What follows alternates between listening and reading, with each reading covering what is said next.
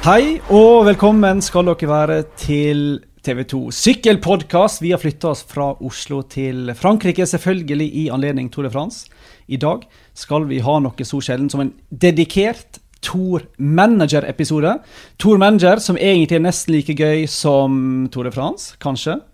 Dette her pleier å være Mats Kaggestad sitt domene, så vi må kanskje introdusere oss sjøl. Jeg heter Magnus Orre. Skal prøve å styre skuta her i dag. Har med meg et uh, A-lag av gjester. Først og fremst tidligere etappevinner i Tour de France og Frankrikes mest ettertrakta mann hver eneste juli, Dag Otto Lauritzen. Velkommen. Takk for det. Veldig hyggelig å være med. Jeg har faktisk hørt på podkasten til du og Mats, jeg kan vel si det, eller Mats og det. Eh, med forskjellige gjester, så jeg syns det er litt spennende. Jeg eh, håper mange får med seg dette som skal skje i dag, eh, det her er litt viktig. Vi vil ha mange med på den turmanageren. Det er sant. Vi sitter på et hotellrom i midten av ingensteds i Frankrike. Vi kom til Frankrike i går. Akkurat nytt er en sånn terningkast to-middag. Ja. Er du gira for Tore Frans i år? Veldig gira. Uh, til tross for den terning to-kast-middagen og terning minus fem frokost. Så det er litt synd vi skal være her i fem dager, men vi har godt humør. Og jeg gleder meg veldig til løpet. Så vi har vært igjennom en presentasjon i ettermiddag, og den delte mening om den. Men jeg syns at det her kommer til å bli en spennende løype, og mange gode potensielle favoritter her. Men Dagoto, vi er heldige i dag, for vi har med oss TV 2-journalist og sjøltitulert Tor-manager-ekspert Mats Vedevang, velkommen. Hva er gøyest, Tour de France eller Tour Manager? Jeg vil si det er ganske 50-50. det, det, gir en ekstra spenning å, å kunne, kunne, ha ryttere på laget, og så ser du eh, når det nærmer seg spurt, og håper på at dine ryttere er de som skal eh, lykkes.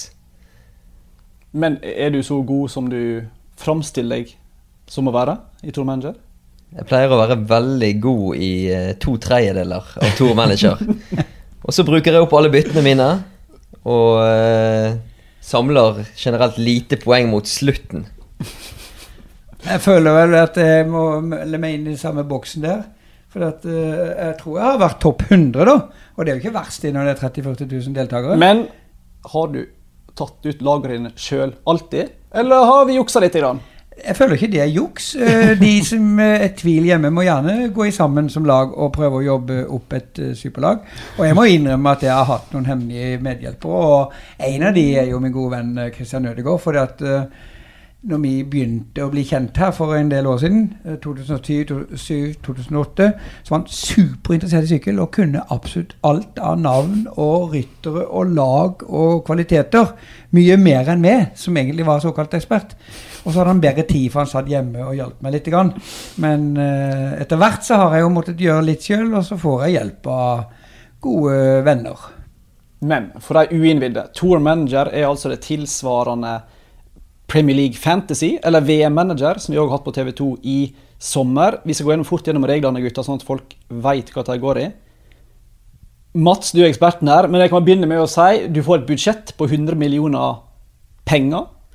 Du har 25 bytter, og så tar du ut de rytterne som gir mest poeng underveis. Men kan du bare gå litt inn på kategoriene, og hvordan en faktisk bytter ryttere underveis her, Mats?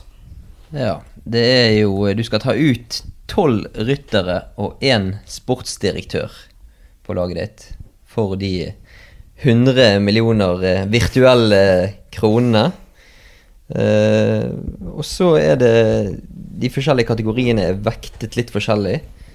Uh, kapteiner og spurtere uh, gir mindre betalt enn hvis en hjelperytter eller ungdomsrytter vinner.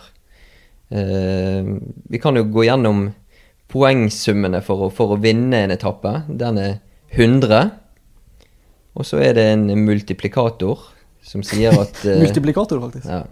Det kan, eh, det kan, høres litt komplisert ut, men uh, ungdomsryttere og, og, og hjelperyttere får fire ganger den poengsummen.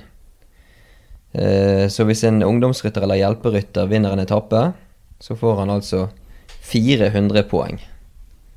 Så det lønner seg å, å treffe på eh, ungdomsryttere og hjelperyttere som, eh, som har muligheter til å havne høyt oppe i, i, på etappene. Så du tar altså ut to kapteiner, du tar ut to spurtere, to klatrere, to unge ryttere, tre hjelperyttere, én temporytter og én sportsdirektør. Og disse kan du bytte relativt fritt. Du har eh, 25 bytter, så du helst bør fordele utover toren. Slik, eh, slik har ikke det alltid vært for min del. Der det ofte har eh, Jeg har hatt en litt sånn eh, gung-ho-holdning til eh, tormanager. Du går all in. Jeg går all in og vil være eh, kjempe i toppen fra første stund. Og så eh, får jeg bare se hvor lenge det holder. Et tips eh, når det gjelder det med hensyn til eh, u, såkalte ukjente ryttere, som ikke nødvendigvis er de dyreste i forskjellige kategorier, så lønner det seg jo kanskje å tenke hva slags kapteiner finnes det på det laget. Fordi at eh, hvis du har Froome som kaptein, og uansett hvor god hjelperytter du er der, så, så er sjansen for å vinne etapper sånn mye mindre enn hvis du har et lag som ikke har en kan du si, eh, klatrer som skal vinne Tour de France. Så det er jo viktig å kikke på sammensetninga på de forskjellige lagene når du plukker rytter. Og så er det viktig å ikke gå i den blemma eller tabba, som jeg alltid gjør. Jeg har gjort det i tre år på rad. Jeg tar ut de rytterne jeg tror er best i sammendraget. For jeg innbiller meg at på slutten av rittet, hvis jeg har åtte ryttere innenfor topp ti, så bare renner det inn poeng. Men det skjer jo ikke. Nei, det, det, altså det, det er topp 20 på hver Etappe. etappe, som får poeng. Ja, Så det er altså viktigere å ta ut ryttere som er gode på enkelttapper. Og du får egentlig ikke noe særlig poeng for å ligge bra i sammendraget. Kun for å ha ei trøye. Det er riktig, sant? Det er helt riktig. Jeg må innrømme at jeg eh, er intenst dårlig i Tour Manager, selv om jeg liker sykkel. Fordi jeg tipper altfor masse med hjertet og for lite med hjernen. I år har jeg tatt ut et vinnerlag. Uh, tror jeg. Du er jo veldig eh, Du kan ikke si eh, spanskofil, men du digger jo eh, spansk sykkel. Ja, og det har vært problemet. Ja. For jeg har tatt ut folk som Miquel Nieve, Aymar Subeldia, sånne romantiske helter og ryttere, som tar til sammen over fem år null poeng. Men Men moralsk vinner jeg jo ofte, Ja, føler jeg. hvorfor har du så Det har jeg mange ganger lurt på, for jeg har jo kjent deg i en del år, og du kan utrolig mye om sykkel. Hvorfor er du så vanvittig begeistra for spannsykkel? Det er jo eh, stoff for en hel podkast, egentlig. Det handler jo bare om eh, Kjærlighet. Om kjærlighet og barndom og hvem du så først på TV, og hva slags Ja. drakter som var finest. Sånt. Litt sånn som fotballag. Ja. Men det er litt det samme da, når jeg spiller på oddsen på fotballag. Det går alltid i dass. Så jeg slutter med. For som Arsenal-fan så klarer jeg liksom ikke å tippe mot mitt eget lag. Og for de som følger fotball, så er det jo, vet jo at det er jo ikke sånn at Arsenal vinner hver eneste fotballkamp vi spiller. Det går ganske motsatt vei.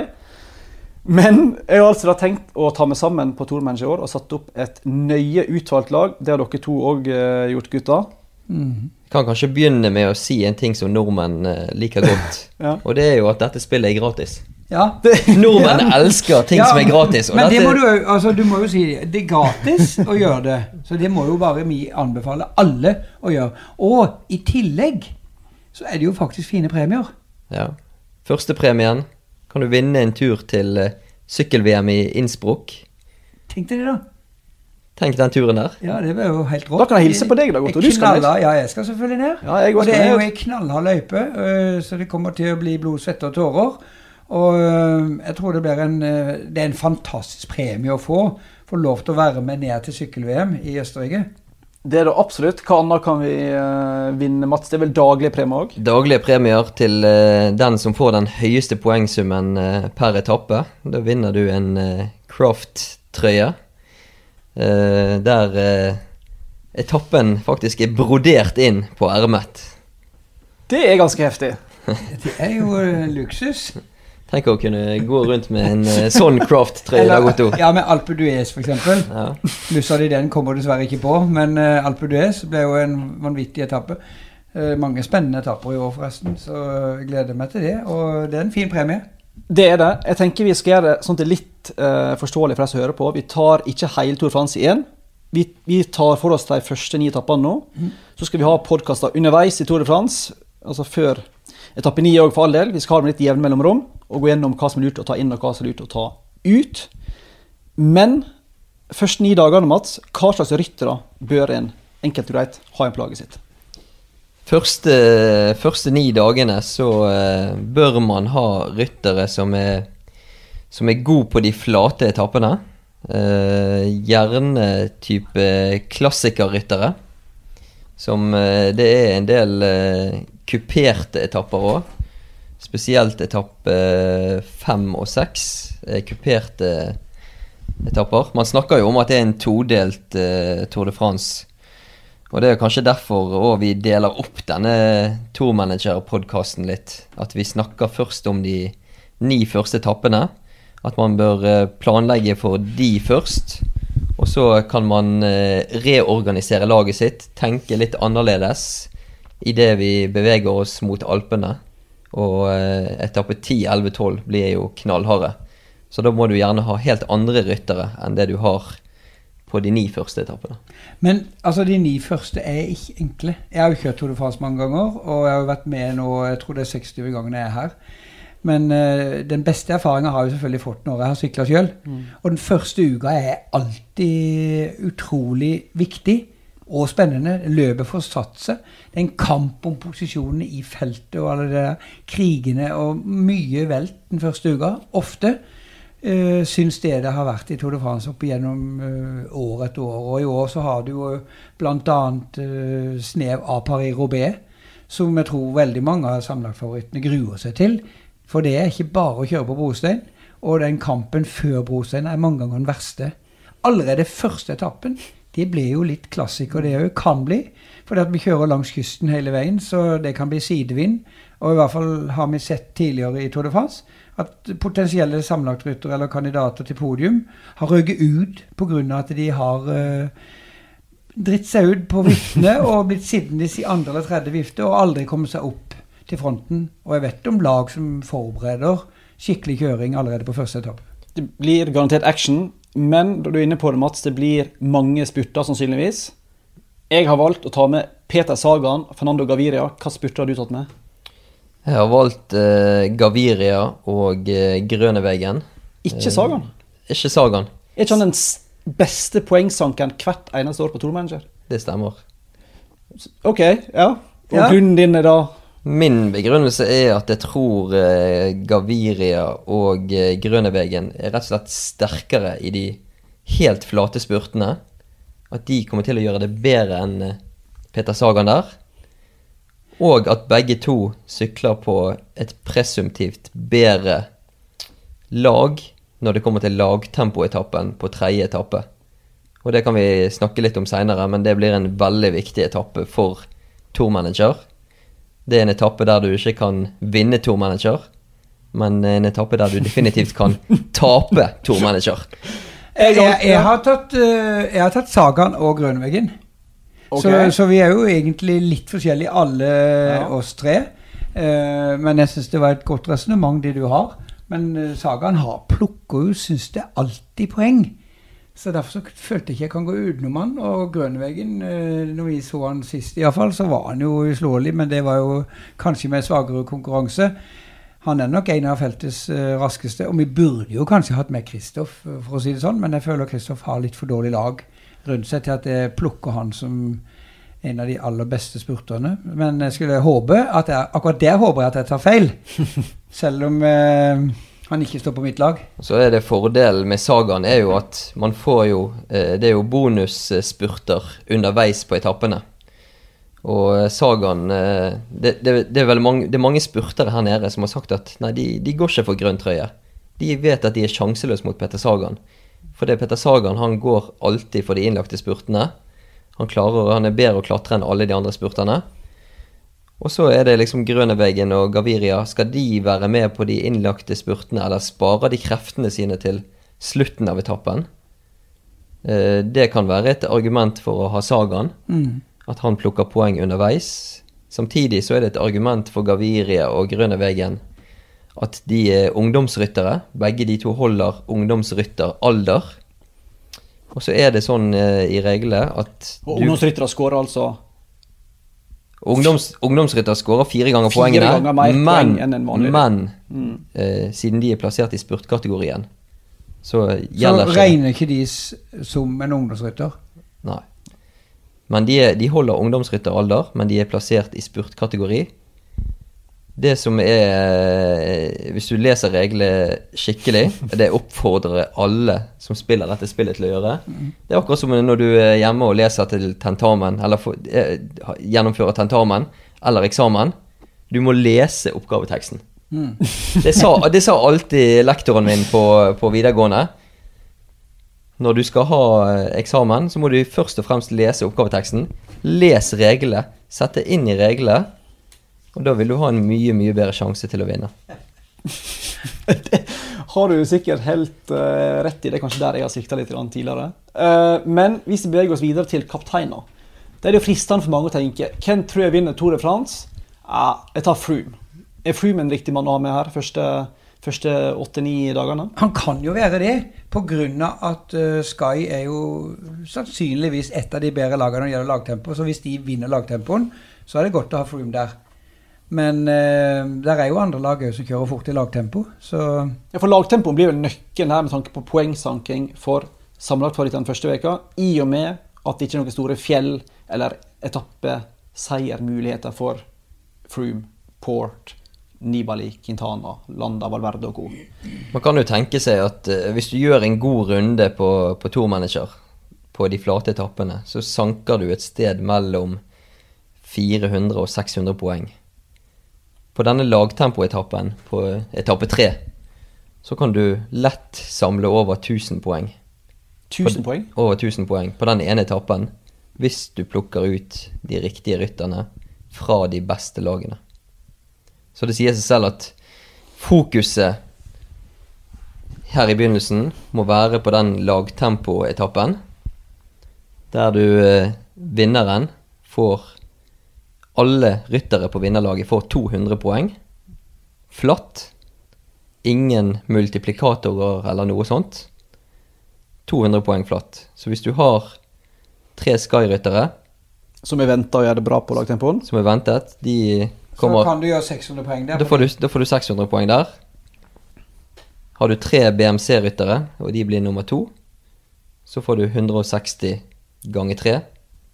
Det er 480 ja, det for oss eh, som Ja, eh, Nå er det jo over 1000 allerede. 1080. Ja, så da har, du, da har du allerede over 1000 poeng, da. Hvis BMC og eh, Ja. Sky skulle bli de to første. Og Nettopp derfor har jeg gått for Froome på Team Sky og Port BMC som kapteiner. Og så har jeg i tillegg plukka ut Stefan King fra BMC på, som ungdomsrytter. Pat- Paddy Bevin fra BMC som hjelperytter. Og så har jeg faktisk to Sky-ryttere til i Luke Rowe og Jonathan Castroviejo som fyller ut laget. For det er tre fra både BMC og tre fra Sky. Da bør jeg vel ha De er godt dekka. Hæ? Da er du i hvert fall veldig godt dekket for den eh, lagtempoetappen. Ja. Og så hiver vi dem ut når lagtempoen er ferdig. Ja, og det er jo et eh, spørsmål om strategi. Når skal du bruke byttene dine? Du har 25 bytter Ja. i løpet av eh, Tour Manager. Og hvis du velger din strategi, så kan det være at etter etappe tre, når lagtempoen er over, da trenger ikke du ryttere som Bevin og Luke Rowe. Da er de ferdig med sin jobb. De kommer ikke til å plukke flere poeng omtrent resten av toren. Og da må du gjerne bruke seks, syv, åtte bytter for å få på plass et lag som kan sanke poeng de etappene etter lagtempoen. Så vil jeg òg anbefale folk å være ekstra konservativ med byttene i år. Altså gjør det enda seinere pga. etappe ni, brostein. Der kan du fort få en haug med ryttere som bryter, som krasjer, som skader seg. Ikke kan sanke poeng. Ikke Da er det greit å ha et par bytte ja. i bakhånd. Ja, det er det. Men derfor så har jo du lagt opp til et spill hvor du kommer til å bytte veldig mye den første uka, da. Ja da. Så, Alt er selvmotsigende. Men vi kommer jo short for bytter eh, hele gjengen. Ja, vi er det. Eh, jeg har eh, tatt port i EU, da. Han er faktisk dyrere enn Froome, og det er jo uh, Syns det er kanskje litt feil, da, personlig. Men noen sier jo at eh, det er veldig vanskelig å vinne både giroen og Tour de France. Det er nå tre uker imellom, men så har jo han ekstra press med eh, den mottagelsen han har fått, og den, de ti månedene som han har kjempa nå mot eh, den viktige saken som han ble frikjent for. Så jeg vet ikke. Eh, jeg har tatt Yates. For at uh, Michelin Scott Ja. er jo òg et sterkt lag. Det er ikke dumt. Et, en av favorittene på lagtempoen, sammen med Sky og BMC. Det er det. Eh, og du har jo selvfølgelig òg verdensmesteren fra i fjor, Sunweb. Jeg vet ikke om de har like godt lag nå som de hadde da, men eh, vi får se. Jeg hadde Port og Yates iallfall. For Sunweb er det, mener jeg det var et slag at de mistet uh, Keldermann rett før Tour de France. Jeg tror han hadde vært en viktig mann i det lagtempolaget der. Så jeg tror de kanskje blir litt svekket med Kelderman ute. Mm. Det tror jeg er helt riktig. Og at det er fordel Sky og BMC, da. BMC har jo egentlig mer enn en lagtempo å kjempe om. Altså fordi at det laget er uten sponsor eller hovedsponsor og har fremdeles ikke gitt opp håpet. Så det er klart, en seier i lagtempoen vil jo styrke eh, Okovic, sjefen sjøl, eh, sine sjanser til å finne en ny sponsor. Så de har jo mye å satse på. Derfor har jeg valgt sånn som det, da. Jeg har uh, tatt uh, King som en uh, ungdomsrytter, som er en veldig sterk temporytter òg, i tillegg, men en god rytter. Og Caruso, som klatrer fra BMC. Så jeg har tre av BMC sine gutter der. Du har Port, Caruso og King på laget ditt. Mm. Så da er du godt forspent. Eh. Men det betyr jo at jeg håper og tror at BMC vinner lagtempoen. For jeg har bare én Sky-rytter, og det er Moskon eh, som ungdomsrytter.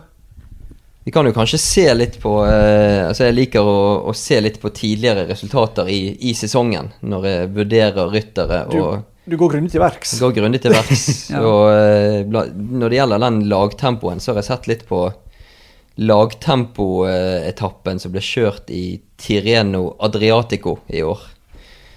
Eh, den var 21,5 km lang. Den som eh, skal eh, gjennomføres her i Frankrike, er litt lengre. Den er like i overkant av 30 km lang. 35,5 for å være helt presis. Men hvis du ser på Tireno Adriatico i år, lagtempoen der, så er det veldig mange av de samme rytterne som skal sykle Tour de France, som var med. Og vi kan jo bare ta listen her. BMC vant lagtempoen. Fire sekunder foran Mitchelton Scott. Team Sky ble nummer tre. Ti sekunder bak BMC.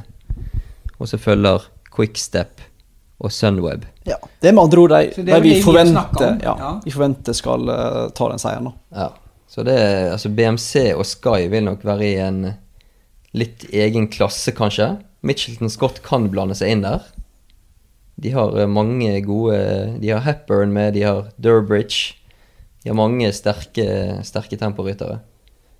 Så med andre ord, råd én fra Tormanager-redaksjonen. Ta mange ryttere fra Sky, BMC og kanskje òg Orica i første veka. Ja. Mitchelton Scott. Ja, ja Mitchelton Scott, unnskyld. Orica Mitchelton, Mitchelton Scott heter det. Ja. Men la oss bevege oss over til det som kanskje folk syns er vanskeligst. Hjelperyttere.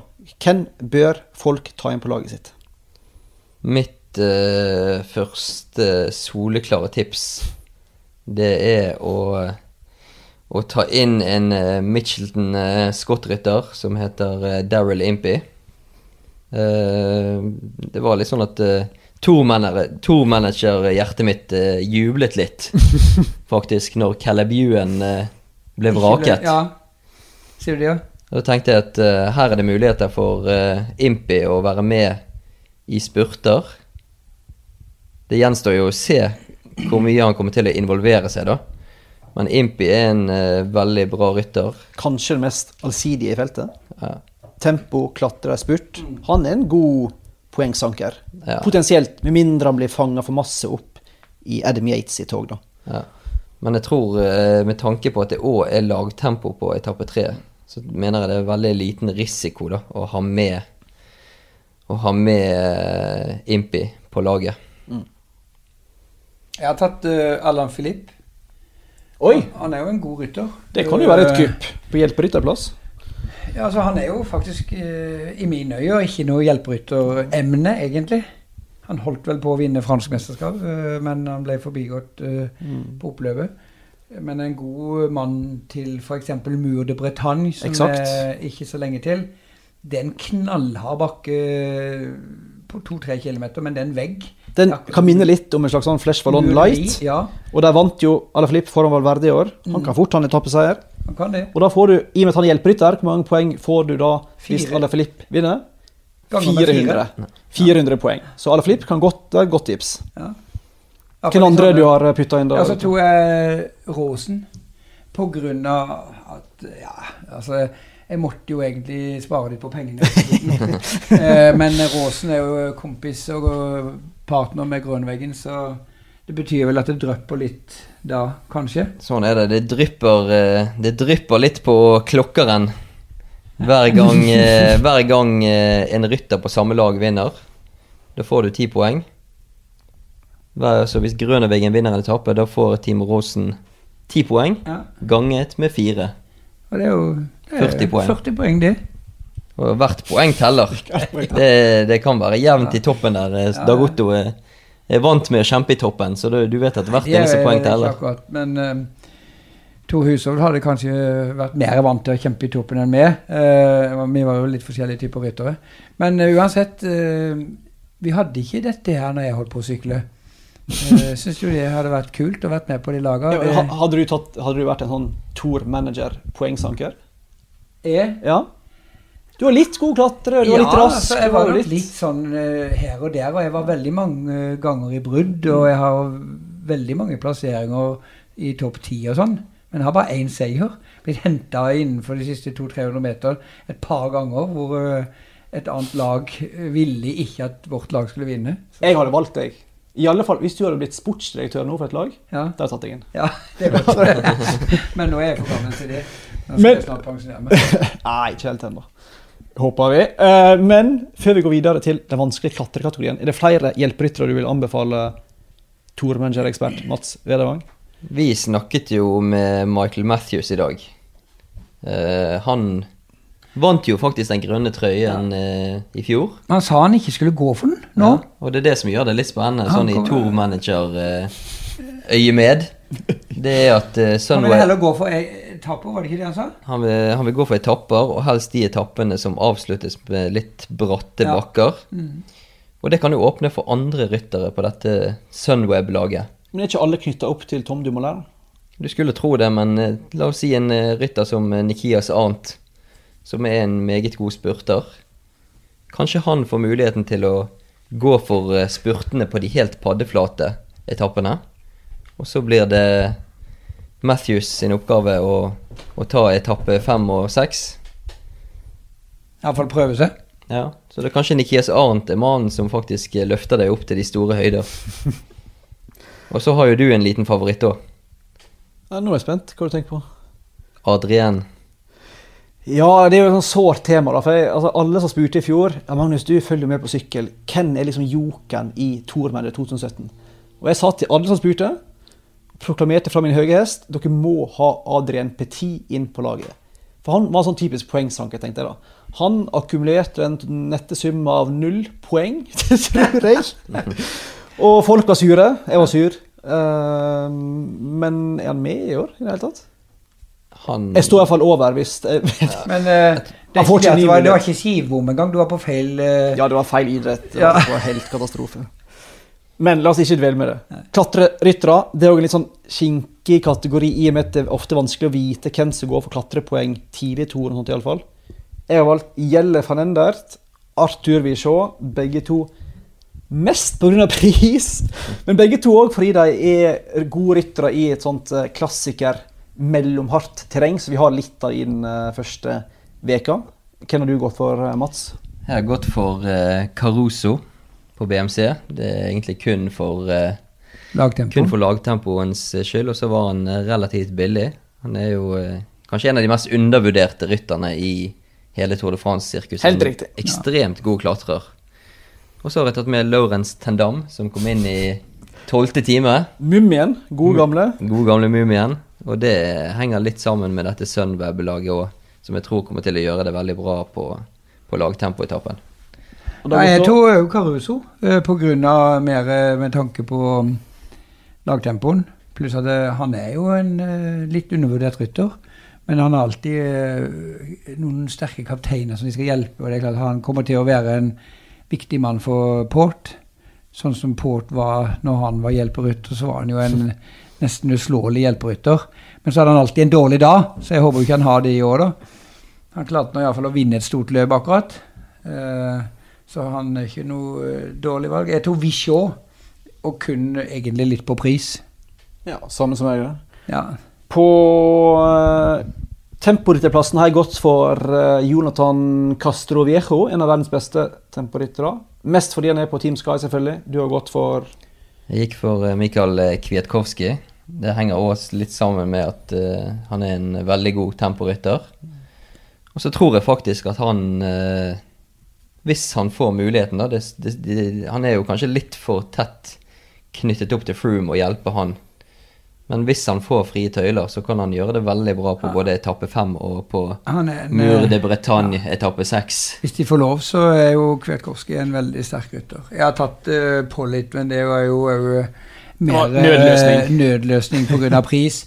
Men, og det er jo et stort men her, for nå eh, snakker vi jo et par dager før løpet begynner. Så eh, det kan godt være både jeg og du forandrer noen av rytterne våre før vi har eh, limit. Og, og når er deadline for når laget må være bankers inne? Ja, Det er alltid like før etappen starter. Så da, da, det er Det viktig er å lørdag formiddag. Ja, det er viktig å holde, følge med på disse tidsfristene, Ja. for det, det er jo ny etappe hver dag. Så med en gang en etappe er startet, hvis du er litt for sein med et bytte, så blir ikke det gjeldende for den etappen. Men han kommer inn til neste etappe. Han kommer inn til neste etappe. Så folk må være på. Folk Mm. må vite når rittet begynner. Det er viktig.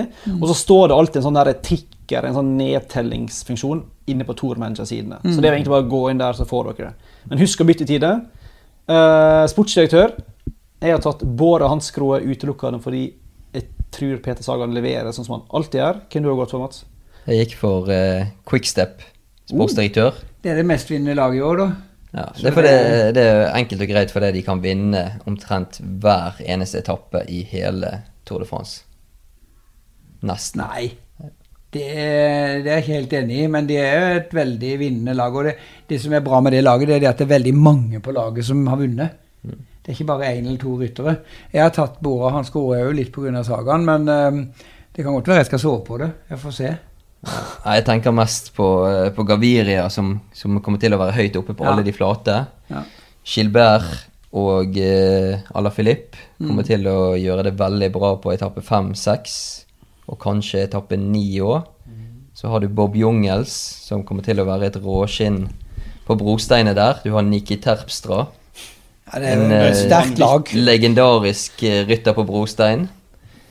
Og så har du, når de kommer til fjellet, da, har du Jungels, du har Alaphilippe, som er gode klatrere. Hvis de kommer seg litt av gårde fra en eh, favorittgruppe, de blir kanskje ikke sett på som de, de største truslene. Så Det som er spennende med det laget, det er jo akkurat som du sier. Jeg kunne godt tenkt meg å ha vært på det laget sjøl. For der har du ikke en, en kaptein som alle skal jobbe for. Du har mye større singel frihet. Alle rytterne her er faktisk eh, potensielle som du sier, til å vinne forskjellige typer etapper. Og de får lov til å prøve sine sjanser. De skal ikke sitte og passe på en uh, beskytta kaptein fra dag én. Eneste som ikke har mulighet til å vinne etappe, er jo nesten Richese, som skal jobbe for Gaviria. Nei, det er spennende. Faktisk ikke dårlig vurdert. Eh, Det kommer til at jeg skal bytte. Men det kommer an på penger òg. det det. Så må vi nevne eh, i ungdomsrytterkategorien en TV 2-favoritt fra i fjor. Oi! Hvem er det? Dean Smith. Tror du han det må jo eh, utelukkende være pga. pengene, Mats. Ja, du skal ikke Ja. han, er, han, er, han er en rytter som eh, fort kan være med i en del spurter. De har eh, Det er vel Andrea Pascalon kanskje som er hovedspurteren. Men uh, Dean Smith kan fort få muligheten på de flate etappene og til å være med. Han kan snike sine et par topp ti uh, Ja. New Zealand ennå. Så, uh, så det trenger ikke være så dumt, det. Men du er inne på siste kategori, Mats. Jeg har Stefan King, Søren Krag Andersen. Mats? Mats, hva? Ja, du er inne på Mats. Nei, jeg mente å si inne på siste kategori Mats. Altså, han innleda med kategorien. Ja. Jeg har ikke valgt Mats Svedang på Tour Manager. Jeg tror vi er dårlig betalt. Jeg har valgt Stefan King og Søren Krag Andersen faktisk, som mine ungdomsryttere. Og du, Mats, har gått for King, du òg. Gikk for Alle har Stefan, gått for King, faktisk. Stefan. King og uh, Dion Smith. Og du, da, godt du har Stefan King og Moskva. evig populære, men ekstremt gode Johnny Moscon. Han Litt er- sånn kontroversiell type. Ja, men han er det, men, men jeg har snakka med folk på det laget. Det er litt sånn som den der stemninga som er rundt Tour de France nå med, med Froome. Uh, de som kjenner han Moscon, sier det er en bondeslamp som er verdens snilleste En- gutt. En bondeslamp. Ja, det var dårlig uttrykk.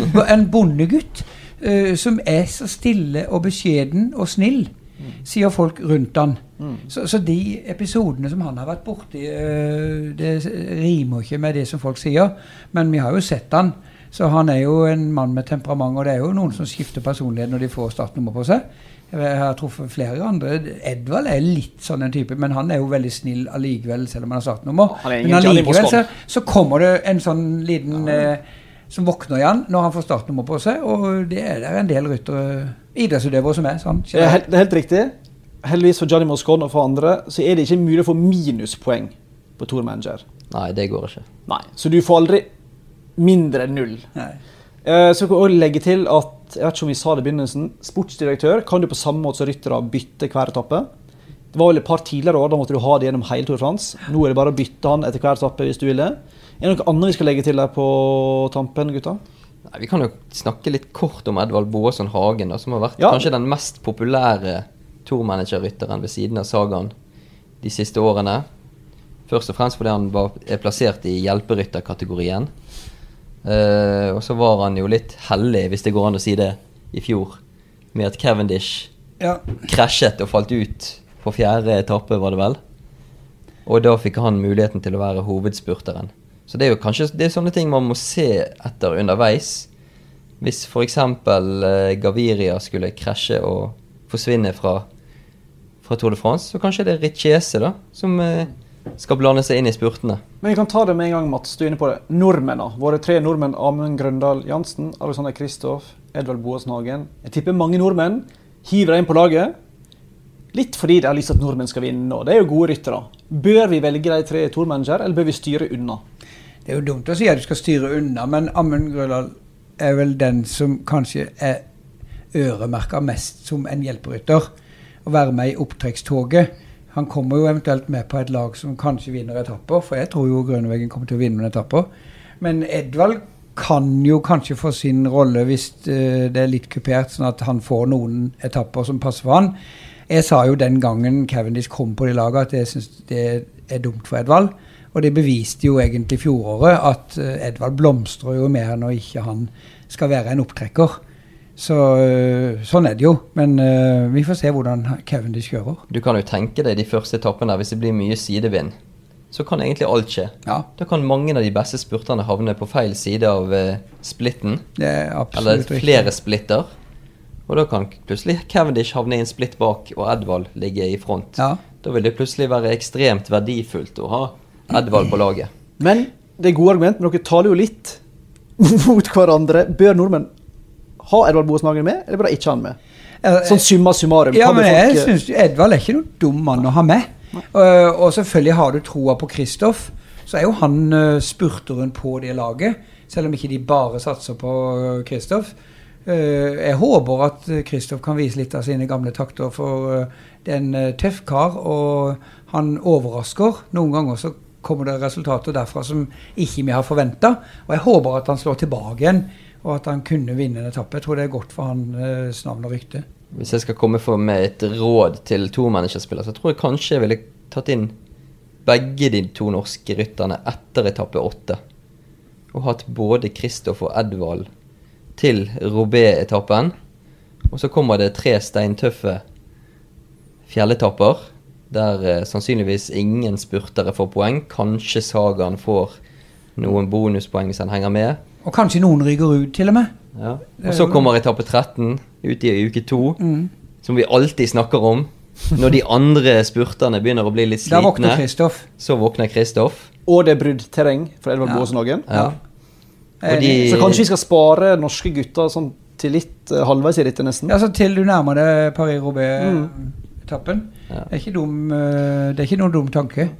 vi kan jo tenke vi, vi kan jo, Når vi snakker mest om de ni første etappene, så kan vi kanskje si hvilke etapper som er regnet som de helt flate spurtene. Og eh, sånn som det ser ut, så er det i hvert fall etappe én og to og fire og syv og åtte.